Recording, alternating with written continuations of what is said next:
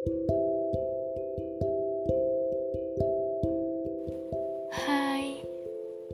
apa kabar semuanya? Hmm, balik lagi sama gue, Hana Merila. Oh iya, hmm, gue mau nanya.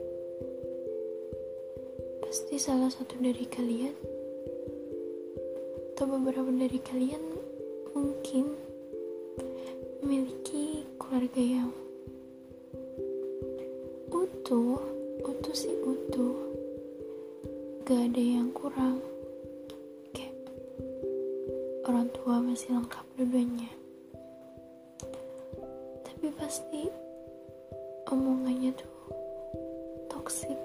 Kayak selalu nganggap anaknya tuh ah lu gak bisa ini lu gak bisa itu. Hmm. Misalnya jadi anak kita bisa milih untuk hadir di tengah-tengah keluarga yang seperti apa. Mungkin rasa-rasanya nggak hmm, ada kali ya yang bakal mau ada di tengah-tengah keluarga toksik.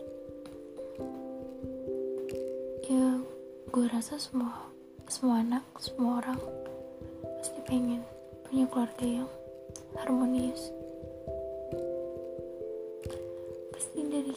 sebagai anak. Pengen yang namanya tuh di ngertiin ya walaupun kadang maksud orang tua baik tapi cara penyampainya yang kadang salah. Kadang sebagai anak tuh membutuhkan yang namanya ketika dia down ketika dia gagal dia butuh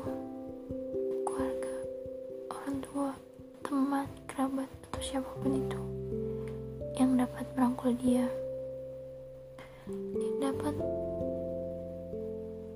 menyemangati, ayo, yang dapat meyakinkan kalau ayo lu tuh bisa, lu tuh bisa, semangat, lu tuh cuma kemarin tuh cuma kegagalan yang tertunda, lu tuh pasti bakal bisa berhasil. Ya lu, ayo lu coba lagi ya, lu semangat ya bukan yang Allah. Udah deh. Lu tuh nggak bisa. Kalau lu nggak bisa ya udah gitu. Gue usah paksain diri lu. Kayak lu coba aja yang lain. Kalau emang lu nggak bisa ya lu ngapain ada di hal berjuang di hal kayak gitu. Lu tuh nggak bisa. Lu nggak bakalan bisa sukses kayak dia gitu misalnya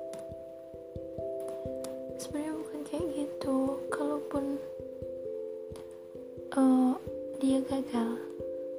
Setidaknya walaupun lu gak bisa support dia minimal lu kasih dia semangat. Kalaupun gak bisa ya lu diem aja lah ibaratnya. Ya gak usah nambah patah semangat orang gitu. Kalau emang lu gak bisa nyemangatin gak bisa bikin dia bahagia gak bisa ngebantu dia buat nge-up potensi dia? Ya lu jangan jangan matiin pot, matiin potensi orang lain. Segala lu bilang lu tuh gak pantas. Itu tuh bukan bidang lu. Padahal dia sendiri aja suka di bidang itu. Gak yang tahu.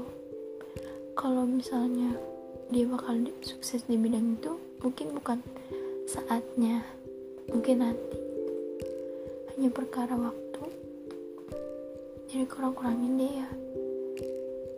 Hmm, minimal lu bisa jadi pendengar yang baik. Kalau misalnya lu gak bisa jadi penasehat gak bisa beri motivasi minimal lu dengerin hargain.